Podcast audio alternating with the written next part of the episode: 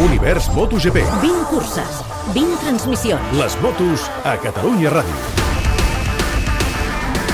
Comença la cursa del Gran Premi de Malàisia amb un Àlex Márquez que de moment ocupa la quarta posició. Intentarà arribar guanyant alguna posició a la primera frenada, però veig Jorge Martín, Martín, Martín, Martín, Martín, Banyalla, Martín que se surt, Banyalla que entra, Àlex Márquez segon al darrere de Bastianini Martín que continua la lluita particular amb Banyalla i ara passa Banyalla. Martín supera Banyalla. Tenim els dos del davant, dues Ducatis que volen lluitar per la victòria i tenim aquests dos que s'estan passant i repassant. Banyalla li torna. Hem de dir que Joan Mir ha caigut, és a dir, una altra caiguda de Joan Mir, que atenció, perquè Joan Mir, com es descuidi, acabarà superant Marc Márquez en, en capítol de caigudes. Recordeu, Marc Márquez ahir va igualar el seu rècord històric del 2017, 27 caigudes. Cau Aleix Espargaró. Caiguda d'Aleix Mira, Espargaró, revolt número 9. Aleix Espargaró que diu adeu al cap de setmana, segurament cansat, caiguda del davant, arrossegant. I atenció perquè Martín per pistonada. Martín és a pràcticament dos segons de Peco Banyalla. Ara mateix tindríem un podi provisional amb Bastianini, Àlex Márquez i Peco Banyalla. Caiguda de Brad Binder. Binder a terra amb la KTM, caiguda de Taka Nakagami. Comencen a caure els pilots, hem vist Binder, hem vist Nakagami, ara mateix falten 8 voltes pel eh, final, però el que sí que estem veient és que aquesta lluita entre Peco Banyalla i Jorge Martín l'està guanyant Peco Banyalla, clarament.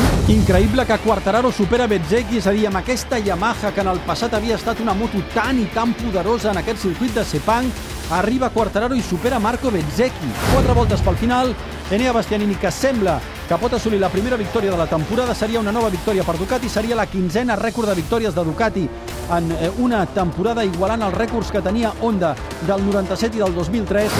El Mundial és de Ducati, no en tingueu cap mena de dubte, el Mundial és de Ducati, al davant de 90.000 espectadors.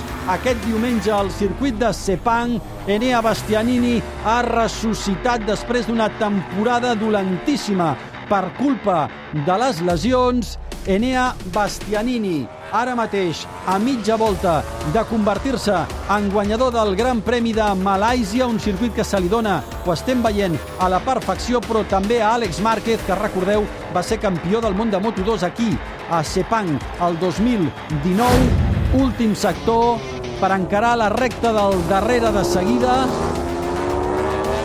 i poder fer els últims dos quilòmetres, quilòmetre i mig pràcticament. Ara entren en aquesta recta després de la 14, gas a fons en aquesta recta de 900 metres. Bastianini arribant a la frenada de la 15, arriba Àlex Márquez, quin gran cap de setmana del pilot de Cervera i arriba el campió i líder Peco Banyalla, l'home que du i llueix el número 1 en el moment que Peco Banyalla, que Enea Bastianini guanya el Gran Premi de Malàisia de MotoGP. Àlex Márquez acaba segon, creu a la meta amb dos segons de diferència sobre un Peco Banyalla que tanca el podi i un Jorge Martín que acaba quart fora del podi i que acaba amb un cap de setmana dolent de cara a les seves aspiracions de lluitar pel títol mundial de MotoGP. Bastianini ressuscita en un cap de setmana vital per les aspiracions del seu company Peco Banyalla de ser campió del món. Bastianini, l'home que ha impedit que Àlex Márquez aconseguís la seva primera victòria de Gran Premi en el Mundial de Motociclisme. Univers MotoGP torna el cap de setmana que ve. Des de Losail, transmissió del Gran Premi de Qatar. Penúltima prova de la temporada. El Mundial és nostre. Univers MotoGP és una producció del Tot Gira